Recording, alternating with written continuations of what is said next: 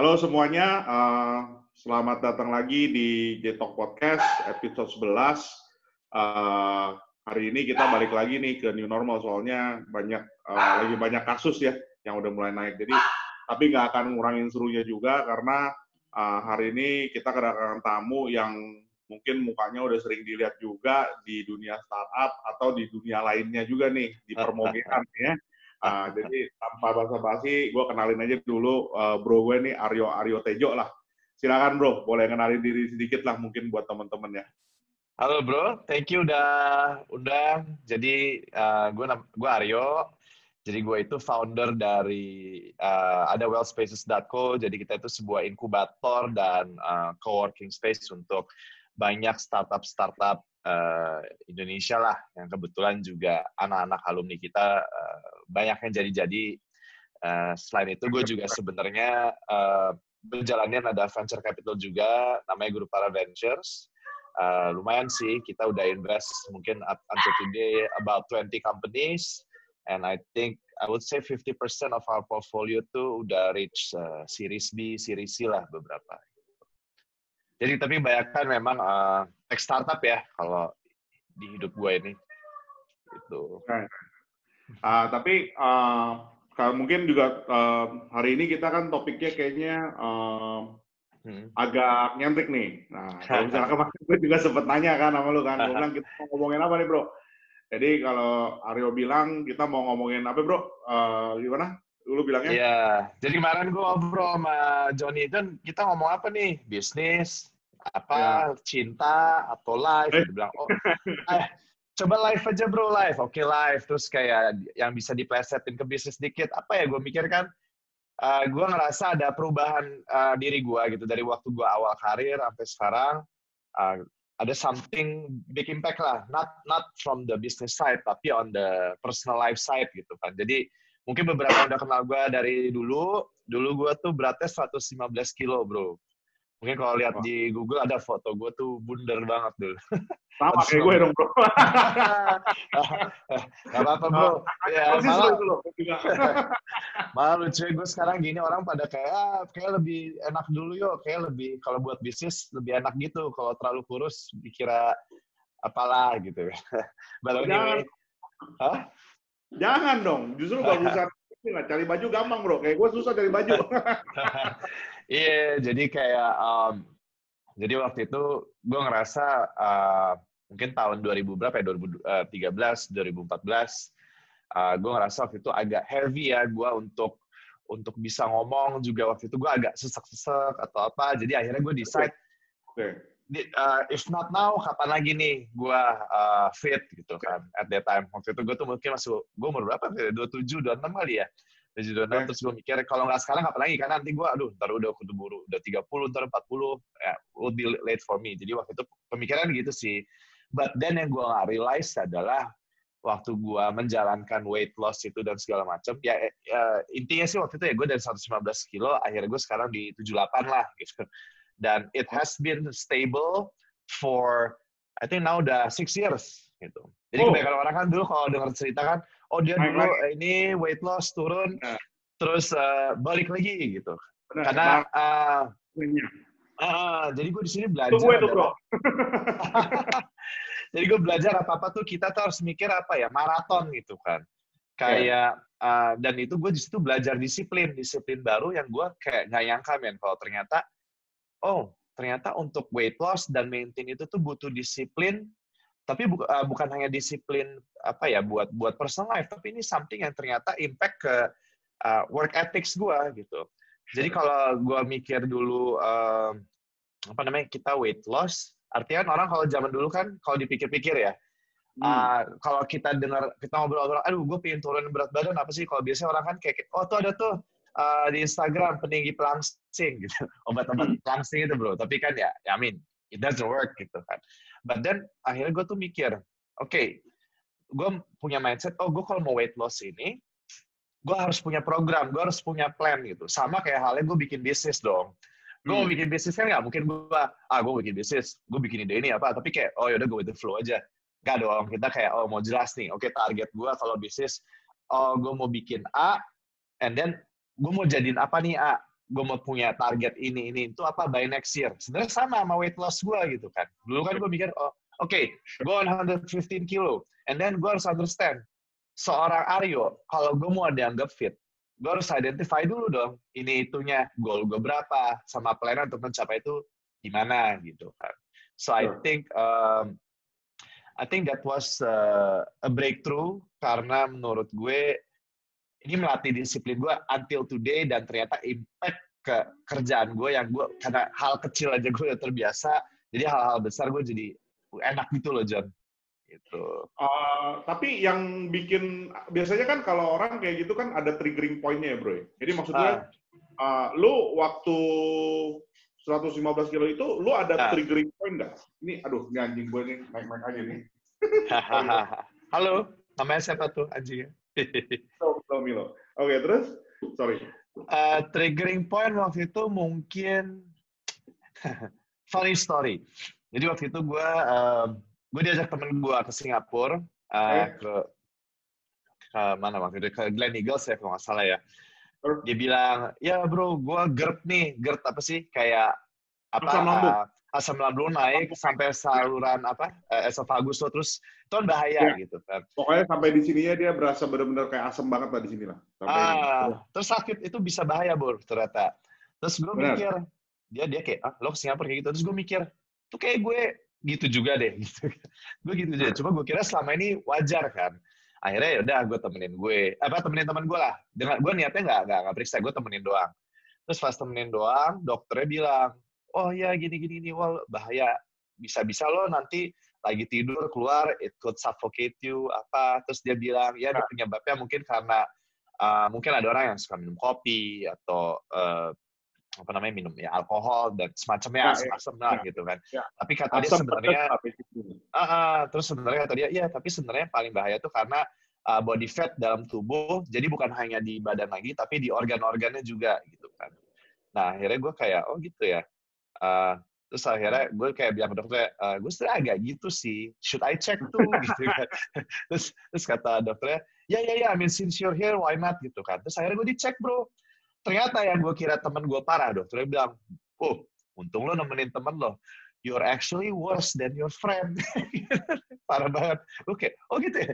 Gue kira temen gue yang parah ternyata gue yang nemenin malah ternyata lebih parah. Akhirnya ya tapi lu menganggap itu enteng pada saat itu temen lu udah parno lu anggap enteng tapi lu nemenin dia tahu-tahu begitu diperiksa lu lebih parah sebetulnya Iya, yeah. malah gue waktu itu mikirnya siapa ya, udah gue mau mau mau mau senang-senang aja gitu kan. Ya, mungkin emang udah waktunya I I start thinking dan memang kebetulan waktu itu gue kan pindah ke New York bro. Jadi waktu oh. itu gue punya startup, dapat funding, gue pindah ke New York. Jadi waktunya berdekatan. And then waktu gue pindah ke New York, sekalian gue mikir, aduh kemarin gue disuruh diet karena ini itu. Akhirnya ya udah gue mikir, gue pindah New York. New York kan mahal ya bro ya. I mean, you know the cost lo makan mungkin di yeah, yeah. sana bisa beda dua sampai tiga kali lipat at least gitu kan. Yeah, yeah. Mikir, I think this is the perfect time. Yeah. Yeah, I think perfect time nih karena menurut gue uh, kalau kita mau diet kan ada tuh namanya tuh mungkin uh, pernah dengar ya kalori defisit. Pernah yeah. dengar bro? Pernah, pernah. Nah, kalori defisit. Basically kan manusia kalau kalau hidup tuh untuk bisa hidup dia harus makan berapa sih? Uh, at least 2000 2000 calories biasanya. Uh, worth of 2000 calories a day gitu kan. Terus gue mikir, oh ya udah kalau mau weight loss gimana? Oh weight loss lo kalau mau cepet waktu itu gue kalau mau cepet hitung hitungannya tuh sebulan let's say hilang satu kilo gitu. Eh no no no, no, no. actually sebulan sorry seminggu satu kilo ya, seminggu, sorry seminggu satu kilo berarti sebulan empat kilo kan. Jadi gue kayak, uh boleh juga tuh mau banget gue 4 kilo. Akhirnya gue ngincer 1500 kalori. Terus gue mikir ya make sense juga ya.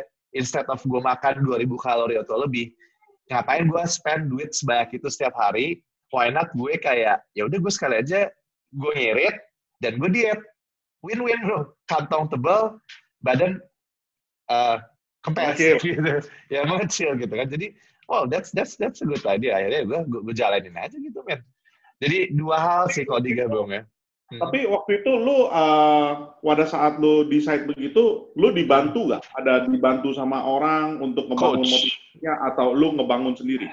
Uh, enggak sih. Jadi kebetulan waktu itu jujur banyak orang Indonesia tuh belum tahu waktu itu kan teknik kalori defisit dan sebagainya. uh, I remember at that time orang ngetawain gue men lu ngapain bro gue ngitung kalori what what you know nggak penting banget. Lu kayak ribet banget sih hidup gitu kan. Ribet yeah. banget sih hidup. Sumpah bro lo mungkin lo gak pernah pergi makan sama gue but those yang pernah pergi selalu pergi makan sama gue even ke bar minum gue tuh bawa timbangan makanan bro. Timbangan makanan kecil gitu tau kalau yang kotak ya. Yang, yang buat dapur. Tuh gue bawa-bawa men. Malah dulu zaman dulu belum ada uh, belum ada mini scale yang agak kecil gitu gue pakai timbangan tradisional yang agak gede tau kalau yang plastik tingkat segini gitu I know, I know, I know. ya kayak buat bikin nastar lah iya itu gue sampai gue bawa-bawa bro gue bawa tas gue kayak waktu itu ke Syaburi gue bawa terus orangnya uh, Bapak mau nanya, Bapak bawa timbangan ya? Kita benar kok Pak, per porsi 100 gram. Oh enggak, enggak, saya bukan mau bukan mau make sure kalian benar atau enggak, ini emang saya ngitung. And then from since then, people keep asking me, why would you do it? Orang ngetawain apa. Akhirnya gue, ya, believe it or not, people follow it, they try it, it worked for them. And I think it became like I don't know, like, oh ternyata kalori deficit works gitu-gitu. Terus orang nanya, emang lo olahraga yuk? Kagak men, gue males banget dulu. Olahraga oke okay lah, basa-basi. But, but anyway, ya itu yang gue bilang. Dulu tuh kalau gue, oh, sorry, anak, anak gue roaring orang. Apa, apa, Jadi, uh, banyak orang Indonesia tuh terus, gue kalau nanya, mau dulu ya, gue mau nanya PT, gue mau nanya coach kesehatan, apa.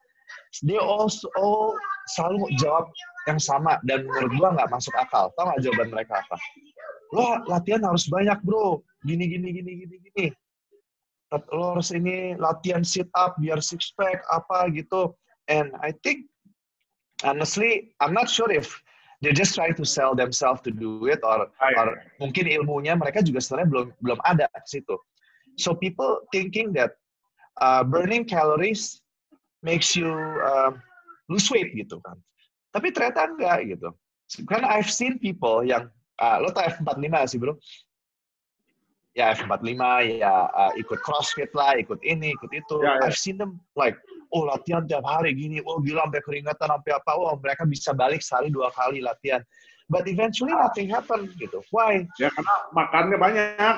Exactly. Intake banyak. Terus gue selalu bilang, ah, managing your body is also like managing your business in terms of finance apa ya accounting gitu. Uh, money kalau kita money out ya. Kalau ini kalau, kalau makanan kalori ini duit lah masuk keluar lah sama lah ya. Nah, betul. itu harus clear gitu kan. Balance sheet-nya harus balance lah. exactly. Dan dalam badan itu kita punya ibaratnya kalau dalam bisnis apa? OPEX lah ya. Operational expense buat mengurangi yeah. revenue. Sama, yeah. kita punya punya cost apa punya um, apa tuh bahasanya ya OPEX kan, Bukan. kayak calorie ya. burn. Calorie ya. burn gitu. Jadi yang gue realize adalah uh, you doing nothing at home, like kayak kita tiduran gitu aja loh John. Kayak itu tuh lo bakar loh sebenarnya. It it it burns like gue lupa deh kalau nggak salah sekitar uh, 1.500 kalori at least sehari lo bakar doing nothing. But oke, okay, lo dalam olahraga apa mungkin total-total bisa jadi 2000, 2500, 3000. Sure. So, let's say lo olahraga gila-gilaan, lo oke okay, hari ini gue bakar 3000, tapi makan lo 4000, ya it's percuma kan. Iya, yeah, makanya gue kemarin treat myself, wah ini bener badan gue kayak bisnis nih gitu. Jadi kayak, kayak gue hitung, supaya gue, uh, gue sampai pakai app loh, My Fitness Pal tuh kayak gue pakai apa buku kas gitu jurang, gue makan ini, makan itu, ada ini. Gila, men. Ini menarik sih. Jadi kalau kayak gini kan, jadi um, yeah. so do you think dengan uh, disiplin yang lu lakukan terus uh, pada saat lu uh, ini uh, trying to lose your weight itu benar-benar uh, lu terapkan di dalam bisnis and it also works. Uh, ya, maksudnya bukan gue ngitung kalori ya, but like oh bukan bukan, maksudnya maksudnya thinking ya. thinking. Iya iya iya iya, ya betul. Uh, jadi gini bro, kalau gue tuh ngelihat uh, satu sih yang gue paling suka ngelakuin ini adalah you know when when we're doing business like you know you and I I mean you build uh, now you're building OLX Auto uh, udah nggak beli mobil gue ya by the way ya. congrats on the rebranding terus uh, ya yeah, you build OVO to what it uh, what it is today gitu kan lo ngerasa gitu kayak mungkin orang lihat sukses story ya wah gila OVO wah gede gitu kan but But it wasn't easy for you, I'm sure. It took you maybe months or years to actually achieve what you want. Dan along the way, lo kayak ngerasain, anjing ini nggak working nih, ini failure nih, apa nih. Kayak, it's depressing for you, even though you know in the long run you win. Itu pun yeah. sama sama gue, no matter semua portfolio gue, bisnis gue, atau apa ya, I, I, I, I feel the same way too. Nah, akhirnya gue mikir, I need to build something on a daily basis, kayak ibaratnya small win gitu bro. Nanti lo? small win. It may not be, gue gak menang one billion dollar, one million dollar, but something small win personal buat gue to make me full feel good every day gitu. Even though Contohnya no apa bro? Contohnya yang paling misalnya yang simple-simple itu mungkin kalau orang uh, biar dia ngerti itu artinya small win every day itu apa sih yang bisa di celebrate gitu contohnya? Oke, okay, jadi contoh ya tadi gue bilang kalau big win kan mungkin takes you one month to take it, but stuff right. But small sure. win tuh simple gini aja kayak kalau gue ngomong weight loss, ya tadi gue bilang, gue punya target 1.500 kalori sehari. Can yeah. I achieve that or not? When I can achieve that, I'm proud. Gitu. Gue gak bilang, oh gue seneng banget nggak, but gue seneng. But it gives something to my day every day. You hit, you hit the numbers that you want to achieve on that day lah, which is 1,500 calories, right? Yeah, exactly. Karena menurut gue, uh, ini challenge buat gue karena achieving 1.500 it's actually not hard loh gitu. Sebenarnya kalau dipikir-pikir, karena dulu gue tuh kayak gila susah gue kayak aduh gue pengen ngemil ini aduh gue pengen ngemil itu I I feel that gitu karena dulu gue gitu main gila lo gue malam-malam eh KFC dua ayam kentang sama Coca Cola sama bir wah gila waktu dah. Luar biasa. ya kan? Kayak gitu, gitu. waktu but but but itu yang gue rasain ada I it was hard in the early time ya. Awal tuh susah banget bro. Tapi akhirnya kita kayak bisa dan kayak berubah mindset gue kayak dude ini something yang orang selalu bilang sama gue. Dan diri gue sendiri juga selalu ngomong gini. Gue mau diet aduh kayak gue gak bisa bro. Gila lo gue kayak pengen makan terus I, think everybody uh, feel that gitu gue dan teman-teman. When I talk to them they also feel the same thing. Dan yeah. akhirnya gue juga mikir maybe if I can overcome this gradually something small and then gue challenge myself onto other challenges. Nah ini kan gue bilang tadi kan ini weight loss. Tapi other than that weight loss gue udah done nih. What's my next challenge? Gue coba challenge gue challenge akhirnya di bisnis pun juga sama gitu. Hal-hal apa gue challenge diri gue bisa nggak nih? Bisa nggak nih?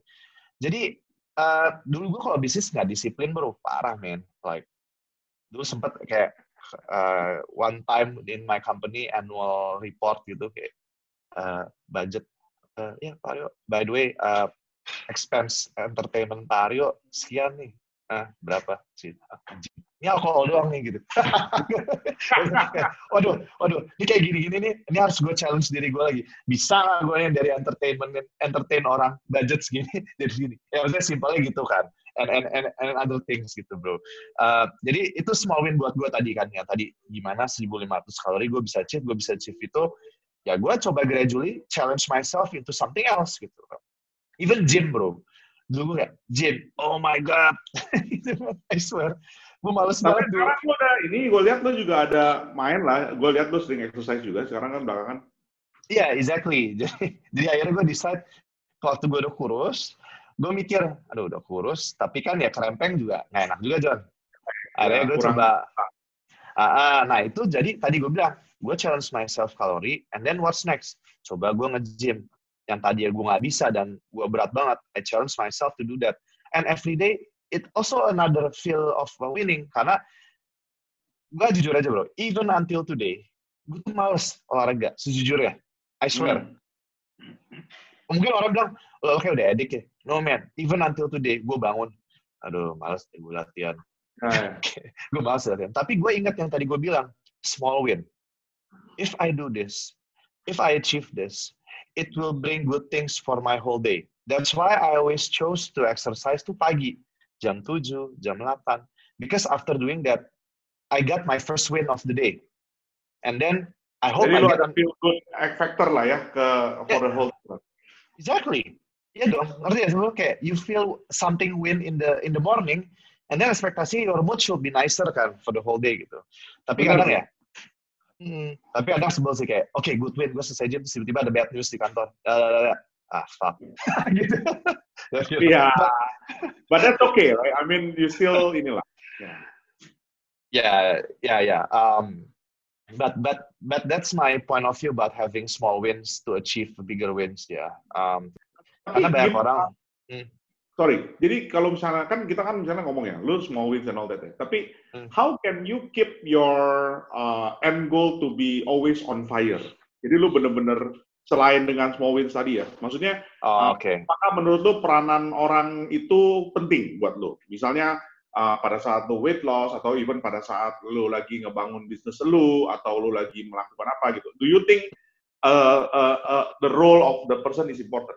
Jadi kalau gue sih ngelihat um, peran orang, of course pasti penting lah gitu. Jadi what keeps me on fire, I guess it's the feeling of competitiveness ya among hmm. my my peers gitu. Jadi hmm. actually gue punya geng, gue punya geng gitu ya, kayak uh, ya adalah sahabat gue Christian Sutardi yang dia uh, Fabelio terus ada ya ada Raditya hmm. partner Ventura dan sebagainya sebagainya. Ya, ya. Kita bukan kita bukan kompetitif as in like wah gue competing sama dia nih, gue ini nih, gue mau you know ya. mau mau lebih dari dia di bisnis. It's it's not like that sih. It's more like when we're doing something kita jadi kayak wah si Chris Fabelio race series ini terus gue kayak wah gue kayak gue gak anjing gue gue nggak mau nih kalah sama dia jadi gue akhirnya kayak eh gimana gue bisa achieve something juga within the the period something yang gue bisa happy about and mungkin gimana gitu kan uh, terus tiba-tiba wah kopi kenangan 100 juta dolar. Wah bangke. So, si, si Chris kan di situ juga. Gue bilang wah gimana kalau 100 juta dolar kayak kejauhan. Bro yaudah deh this time. Gue takes takes time lah. Tapi itu sih gue rasa between me and my friends tuh ada ada perasaan kayak gitu. Of course we are supporting each other saling bantu. But in on the other way kita juga we want to keep pacing ourselves with each other buat ngerasa ada challenge saja sih bro. Gitu and I guess like uh, gue selalu ingat sih ada quotes kan uh, you are who you hang out with nggak sih man maksud gue yeah. if you hang out with uh, with people who have motivation and determination and everything, I'm pretty sure lo juga kebawa gitu. So yeah. it's some it's something yang menurut gue um, bagus. Even tadi with my sahabat-sahabat gue ini, kita bukan hanya ngomong bisnis ya. Kita tuh actually kayak ini kayak golf nih, anjing. Ini golf aja kompetitif kita.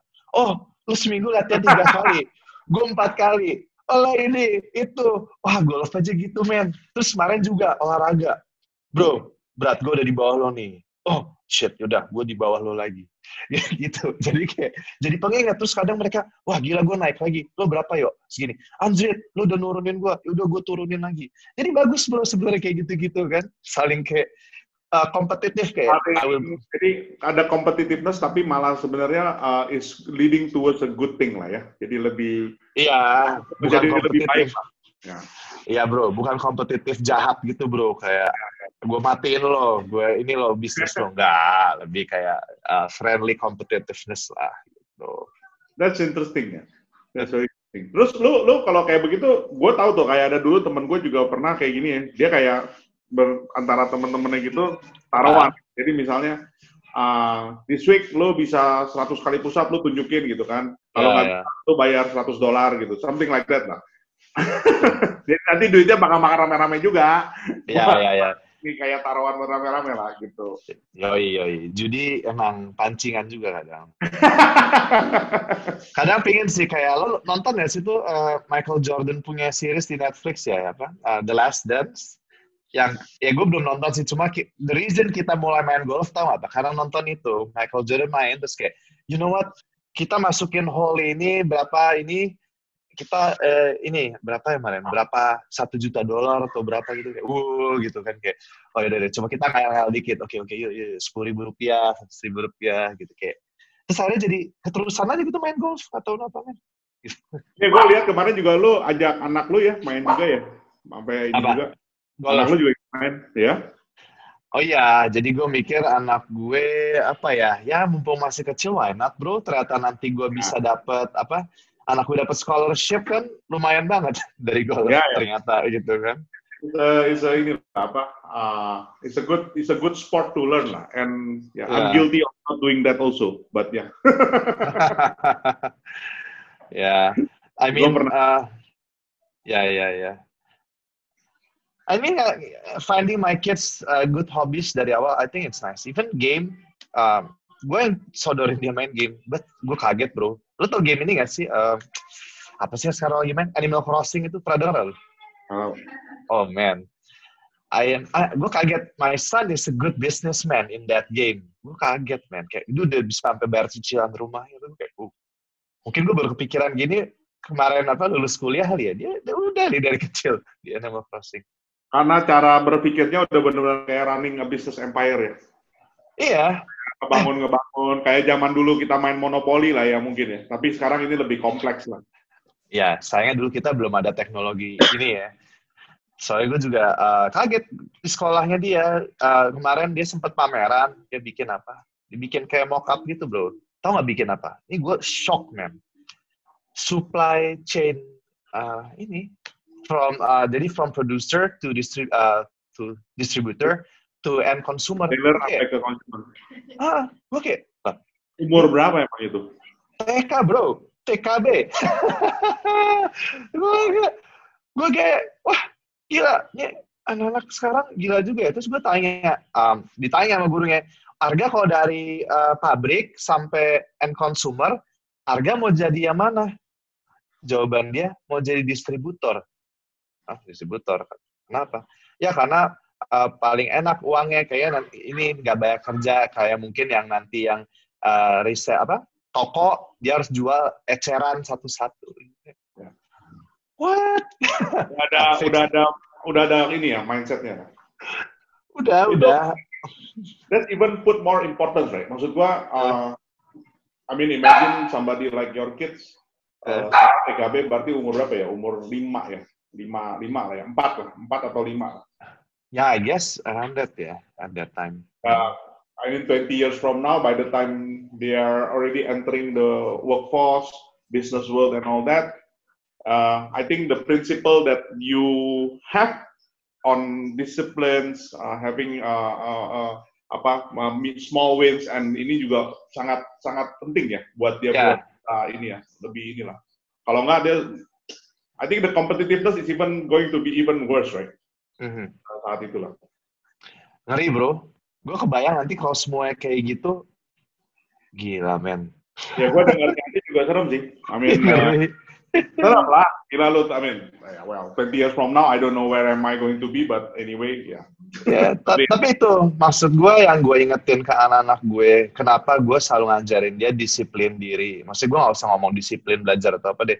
Kita disiplin diri sama tadi gue soal weight loss ya, kayak uh, in terms of timing, in terms of punya uh, uh, boundaries setiap hari, in terms kalau oke, okay, if you fail today, if you uh, kelewat kalori, what's mm -hmm. next gitu. Gue harus hmm. punya plan, gue punya plan B juga bro. Jadi kayak, oke, okay, gue 1500, damn, hari ini gue 2000 Hmm. Jadi uh, what's my plan B? Karena kita kadang kan nggak bisa kontrol bro kayak ya ada ulang tahun teman, ya, ya. ada apa, ada ada you know tahun baruan. So correct, correct. plan gue apa? Oke. Okay. Jadi gue pikir, gue punya excess kelebihan gue berapa hari itu. Misalnya, ah shit gue kelebihan 1000 kalori. So yeah. what, what what I do is 1000 kalori itu gue bagi tiga hari, lima hari ke depan. Let's say lima hari. Berarti kan 200, 200, 200. Berarti so artinya, turun lah.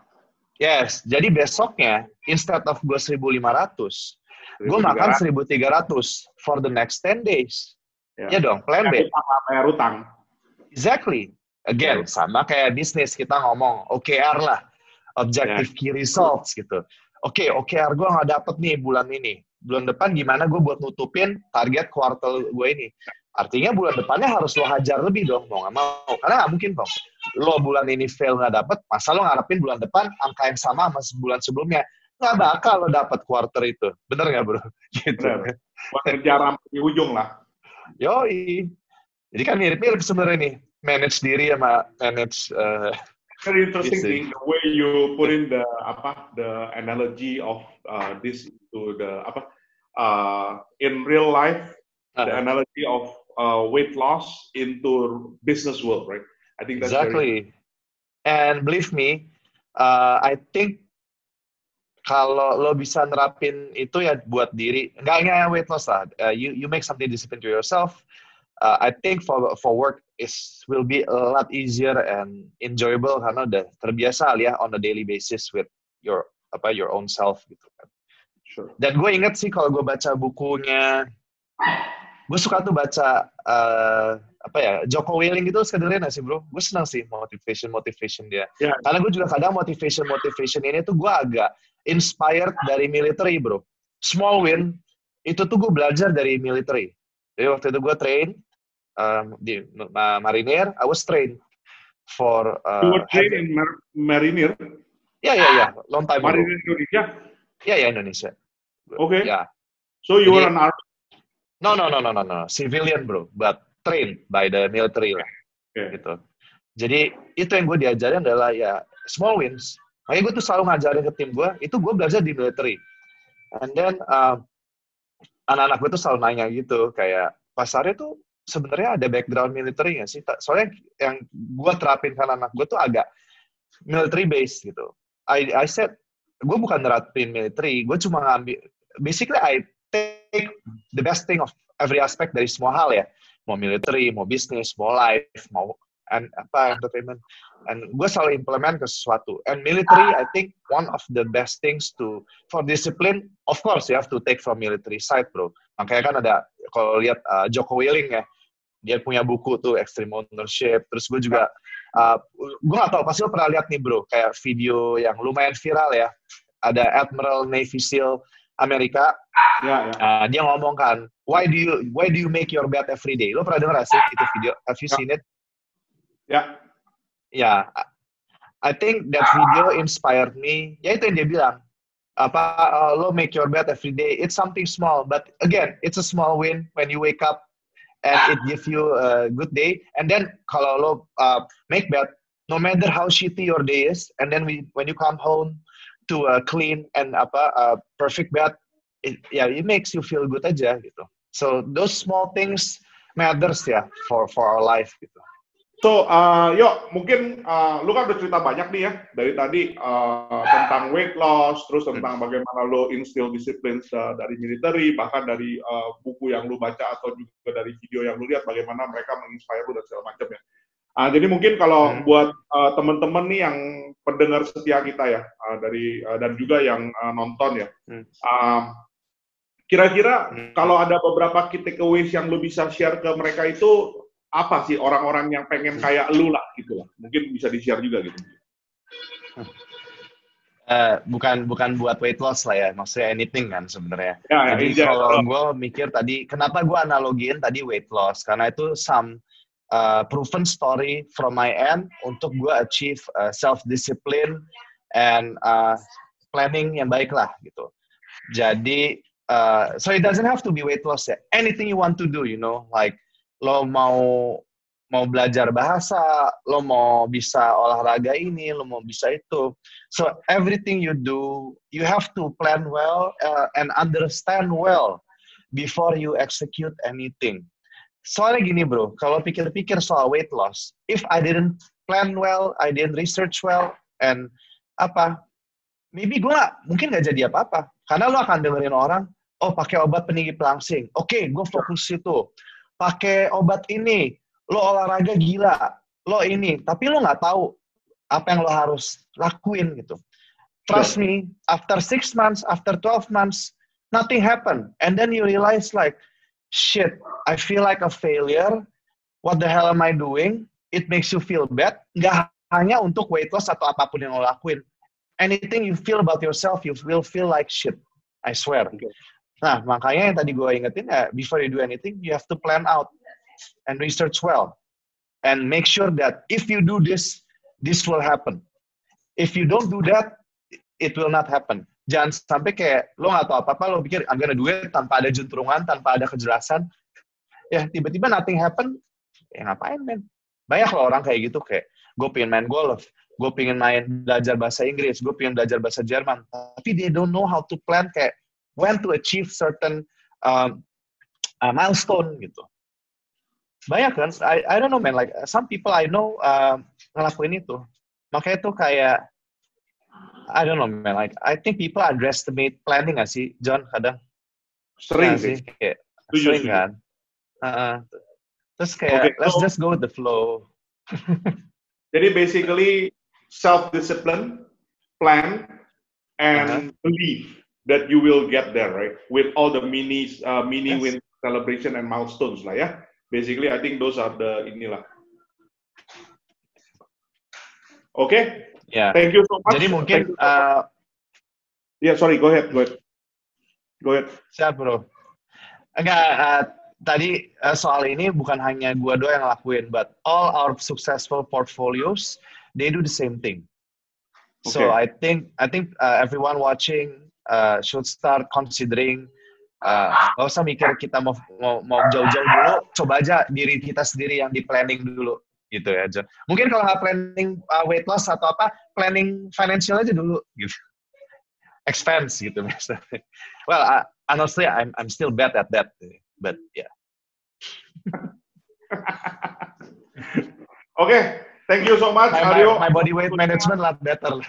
Alright bro, thank you ya udah udah udah invite gua. Uh, feel honored.